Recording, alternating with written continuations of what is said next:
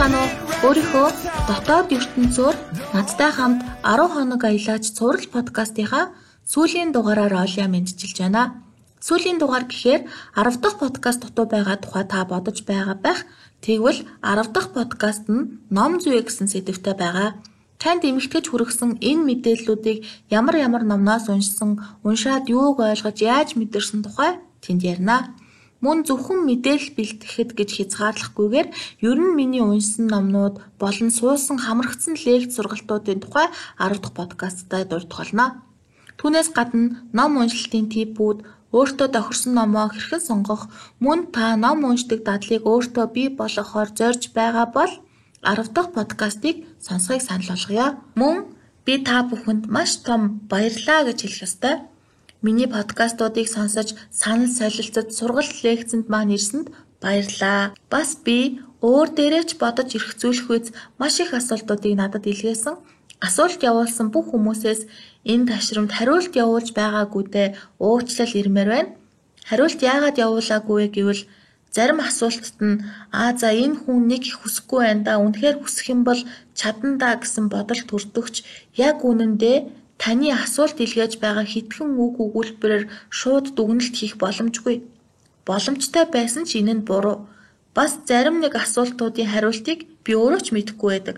Тиймээс 11 дахь подкастад надад ирдэг асуултуудыг багц багц болгон хуваагаад хэрвээ иймэрхүү тохиолдол бол ингэж болох юм гэсэн хувилбар төвшүүлж хариулах болно. Та өмнөх 8 подкастыг сонссон, өөр дээрээ ажилласан бол одоо өөртөө ихтгэлтэй, мөн тархиныхаа тухай нилээд мэдлэгтэй бас чамгүй том зорилго тавьсан байгаа. Гэвч явцын дунд замаасаа гажих тохиолдол гарна. Ялангуяа та том, холын зорилго тодорхойлсон бол жанжин шуумаасаа хазаахгүй явах нь маш хэцүү. Тиймээс холын зайд овоо хараагаа тохируулах анхаарал төвлөрлөө алдахгүй байх хэрэгтэй. Анхаарал төвлөрөл гэж юу вэ? Гэвэл ерөөсөө л хийж байгаа зүйлээ л хийх, өөр зүйлд сатаарахгүй байх тухай л яриад байгаа. Одоо танд хоёр төрлийн анхаарал төвлөрлийн тухай бодох ёстой. Нэгт нь яг одоо хийж байгаа зүйлдээ анхаарлаа төвлөрүүлэх буюу ойрын зайн анхаарал төвлөрөл. Хоёрт нь том холын зорилгодоо хүрэх явцдаа анхаарлаа алдахгүй байх буюу холын зайн анхаарал төвлөрөл. Жижиг том ямар ч ажил дээр энэ хоёр анхаарал төвлөрлийн чадвар хоёулаа танд байх хэрэг гарна. Мөн Сайхан мэдээ гэвэл энэ хоёр анхаарал төвлөрлийг ижил аргаар хөгжүүлж болдог. Бид яагаад анхаарал төвлөрлөө алддаг вэ гэвэл сэтгэлийн бэлтгэлгүй байгаатай холбоотой байдаг. Mindset is everything гэсэн хэллэг байдаг.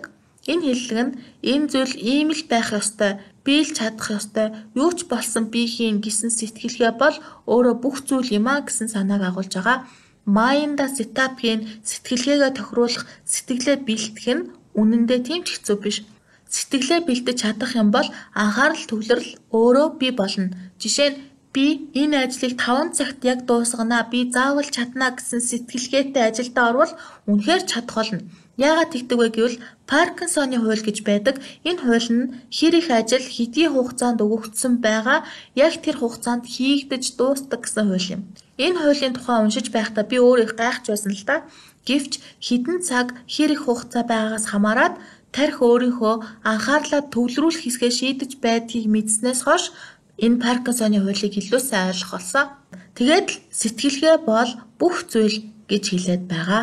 Сэтгэлээ бэлтгэхийн тулд хамгийн түрүүнд оюун бодол, бодол санаагаа зэгцлэх хэрэгтэй. Бодол санаагаа зэгцлэх амьдралын торгоо тодорхойлохын тулд та 5 дахь подкастын зааврыг дагаарай. Мөн ойрын зай анхаарал төвлөрлийн хувьд Орчин тойрны эмх зэгц чухал байдаг. Яг хийж байгаагаас бусад зүйлсийг нүдэнд чинь харагдахгүй болгоод зэгцлээд ажилдаа ороорой. Хоёрт нь олон зүйлийг зэрэг хийхгүй байх хэрэгтэй. Яг нэг цаг мөчөд нэг л зүйлийг хийх хэрэгтэй. Гуравт нь дуусгах хугацаатай байх. Дуусгах хугацааны тухай ярих үед зарим хүмүүс энэ дуусгах хугацаа нь надаас хамаарахгүй гэж хэлдэг. Миний итгэдэг зүйл бол бидэнд тохиолдож байгаа бүх зүйлд бид өөрсдөө хамааралтай. Дуусгана гэсэн сэтгэлгээтэй л байх юм бол та үнэхээр дуусгах болно. Бусдаас хамаарах зүйл гэж байхгүй. Бусдаас хамаарах зүйлийг та өөрчилж чадна. Сэтгэлээ бэлтгэх дөрөвт галхан бол чин сэтгэлээсээ хүсэх. Тавт нь шалтгаан байх хэрэгтэй. Зургаад нь саад бэрхшээлийг давах хүчтэй байх. зорж байгаа зүйлээ чин сэтгэлээсээ хүсэх, түүнийгээ заавал биелүүлэх шалтгаантай байх нь Өөрөөр хэлбэл 4 дахь 5 дахь хүчин зүйлс нь 6 дахь хүчин зүйл буюу саад бэрхшээлийг давах хүчийг танд өгдөг. Холын зайн зорилгын онцлог нь хүрэх хугацаа биелэгдэх хугацаа болоогүй үр дүн гарах хэсэг нь мэдэгдэхгүй яг өнөөдөр яг одоо шууд хэмжигдэх боломжгүй байдаг. Жишээ нь гадаад хэл сурах гэдэг ч юм уу томхон урт хугацааны зорилгыг сэтгэл хөдлөлтөд тавьсан байлаач тэр сэтгэл хөдлөл урт хугацаанд тэр хിവэрэ байдаггүй учраас өөр нэг өглөө босоод л за яах вэ яшигдаа эсвэл надтай надгүй англи хэл болно эсвэл надтай надгүй хүмүүс миний энэ санааг ажил болгочих нь байх гэсэн мэдрэмжүүд мэдэрч зорилгоосоо буцдаг. Психоанализаар тайлбарлавал нэг өдөр та англи хэлтэй найзгаа хараад эсвэл гадаад хүнтэй харилцах хэрэг гарах үед та англиар ярихыг хүснэ. Хүсэж байна гэдэг нь таны ID ажиллаж байгаа гэсэн үг буюу таны ID би англиар ярмаар байна гэж танд хэлнэ. Харин таны супер эго чинь англи хэлээр яах юм бэ? Бөө ядаргаа эсвэл би болоод л байна гэж танд хэлж байгаа. Гэхдээ та сэтгэл хөдлөлтөөр англи хэл сурмаар байгаагаа мэдэрч хүсэх юм бол таны ID чинь таны супер эгог дийлнэ. Тиймээс эго буюу та англи хэл сурахаар шийднэ. Гэвч хэд хоногийн дараа энэ сэтгэл хөдлөл байхгүй болсон байдаг. Одоо ажил дээрээ сайхан ажиллаж байгаа болохоор танд заавал англи хэл сураад байх шаардлагагүй юм шиг мэдээллүүдийг таны супер эго чинь тань руу илгээсэн хിവэр л байгаа. Тэгээд та сэтгэл хөдлөл дахиад мэдрэхгүй бол таны эго супер эгогийнхаа хүслийг дагна. Тиймээс урт хугацааны зорилгод нэг удаагийн сэтгэлээ хөдөлгөх техник тусалж чадахгүй. Харин маш их бүр маш их сэтгэл хөдлөл хэрэгтэй. Энэ нь маш их зовлон эсвэл маш их аз жаргал гэсэн үг. Харин таны зовлонгийн мэдрэмж эсвэл аз жаргалын мэдрэмж мэдрэх хэсгийг харах өнцөг шийддэг. Харах өнцөг нь би буюу эго төвтэй байдаг учраас хүн бүрийн харах өнцөг өөр. Тиймээс яг энд бусдад тусалсан, бусдыг амжилтанд хүргэсэн арга техник танд огт хэрэг болохгүй. Би ч бусдын амжилтын түүхийг уншаад за яг ингэж бодох хэрэгтэй юм байна гэж өөртөө тохиргоо хийдэгч энэ нь үнэндээ ямар ч хүчгүй байдаг. Тиймээс одоо та өөрийгөө судлах хэрэгтэй. Яагаад гэвэл зөвхөн та л өөрийнхөө амьдралыг жолоодно. Өөр хинч биш. Үүний тулд таны хийх нэг дэх алхам бол өөрийнхөө хамгийн их сэтгэлээр унаж байсан тохиолдлуудаа түүж бич. Таны хамгийн их шаналж зовсон ямар үе вэ? Таны хэн нэгэнд гомдсон ямар тохиолдол байна? Таны үүнийг л би тис чадахгүй гэж шантарсан ямар зүйл байна? Нэг ёсондоо та хамгийн их шаналсан зүйлээ л олж бичих хэрэгтэй. Таны энэ тухай бодохгүй гэдэг бодмогцол та дахин шаналдаг ямар зүйл байна? Тэдгэрийг бич. Дараа нь эдгээр тохиолдлуудад таны зовлон мэдэрч байгаа хамгийн гол шалтгаан нь юу байна гэдгийг та олж мэдэх хэрэгтэй нэг шалтгаан нэг л зүйл байна уу? Тохиолдол бүрт өөр өөр байна уу гэдгийг олж мэд. Зовлонгийн шалтгаанаа олсныхаа дараа таны аз жаргал мэдэрдэг шалтгааныг та олох хэрэгтэй. Түүнээс өмнө танд зөвлөхөд та зовлонгийн шалтгаанаа бодох зуурт танд таагүй байсныг би мэдж байна. Тэр нэг хүнд гомдсон эсвэл тэр нэг хэцүү үеийг бодоход одоо ч танд хэцүү байгаа. Тиймээс энэ дашрамд эдгээр мэдрэмжүүдээ цаасан дээр биччихсэн учраас Одоо энэ мэдрэмжүүдээ өөрөөсөө чөлөөлөх хэрэгтэй шүү. Та өөрийгөө уучилж, өөрийгөө хайрл, бусдыг ч хайрл. Энэ хорвоо дээр бүгд ижилхэн гэдэгт итэг. Хинч зовлон хүсээгүй гэдгийг бод. Хинч таныг чихнээсээ зовоохыг хүсээгүй, өөрөө ч зовхыг хүсээгүй. Тиймээс энэ техниктэй ажиллаж дуусаад энэ бүх мэдрэмжүүдээ тавьж явуулаад бүгдэд аз жаргал хүсээрэй. Одоо танд өнгөрсөнтэй зууралдах цаг байхгүй.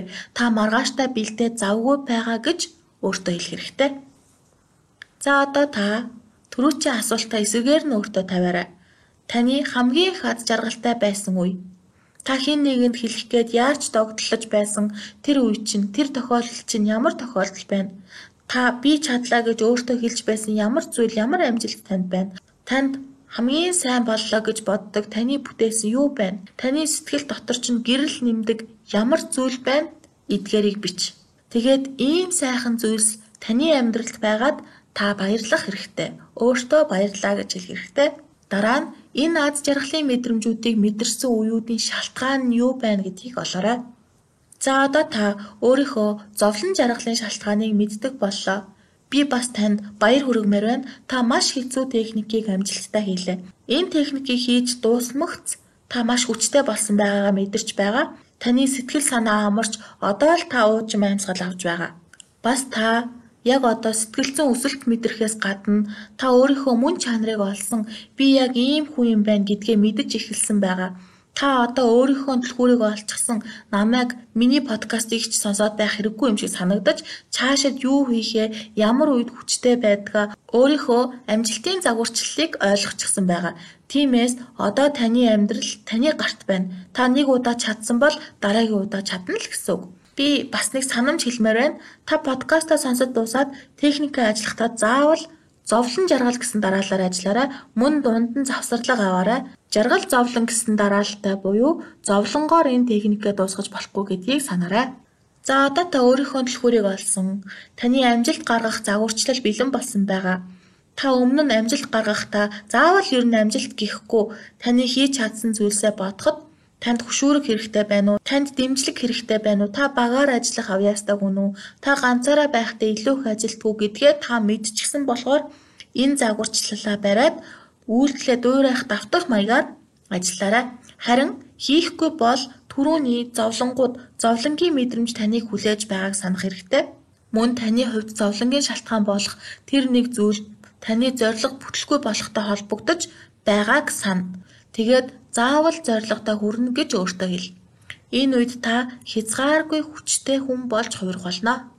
Мөн та юуны төрөнд таны зорилго танд үнэхээр чухал уу гэдгийг заавал мэдэх зорилгоо сорилтод оруулж үзэх хэрэгтэй. Ингэх хамгийн амархан арга бол та зорилгоо биелсэн байгаагаар төсөөл. Хинтээ уулзаж байна? Та юу ярьж байна? Ямар болсон байна? Таныг хэн хүрээлж байна? Таны хийсэн зорьсон зүйл хэр үн цэнтэй байна? жилийн дараа 5 жилийн дараахыг төсөөл. Ингээд энэ төсөөлсөн амьдрал танд танд үнэхээр таалагдаж байгаа бол энэ зорилгоосоо буцахгүй байх нь танд ашигтай. Одоо та хүчтэй зорилготой хүрэх нь гарцаагүй болсон. Харин таны зорилготой хүрэх явцыг хурцсагдаг заавал эзэмшүүл зохих ёстой ур чадрууд гэж байгаа. Та ямар ч зорилготой бай өөрийгөө хамгийн шилтгэнд болгож тодруулах хэрэгтэй. Ингэж чадсан цагт л та томоохон өөрчлөлтийг авчирч чадна. Ингээд өөрийгөө хамгийн шилтгэнд болгож тодруулах техникүүдийг би 12 дахь подкастт ярилцлаа. Баярлалаа.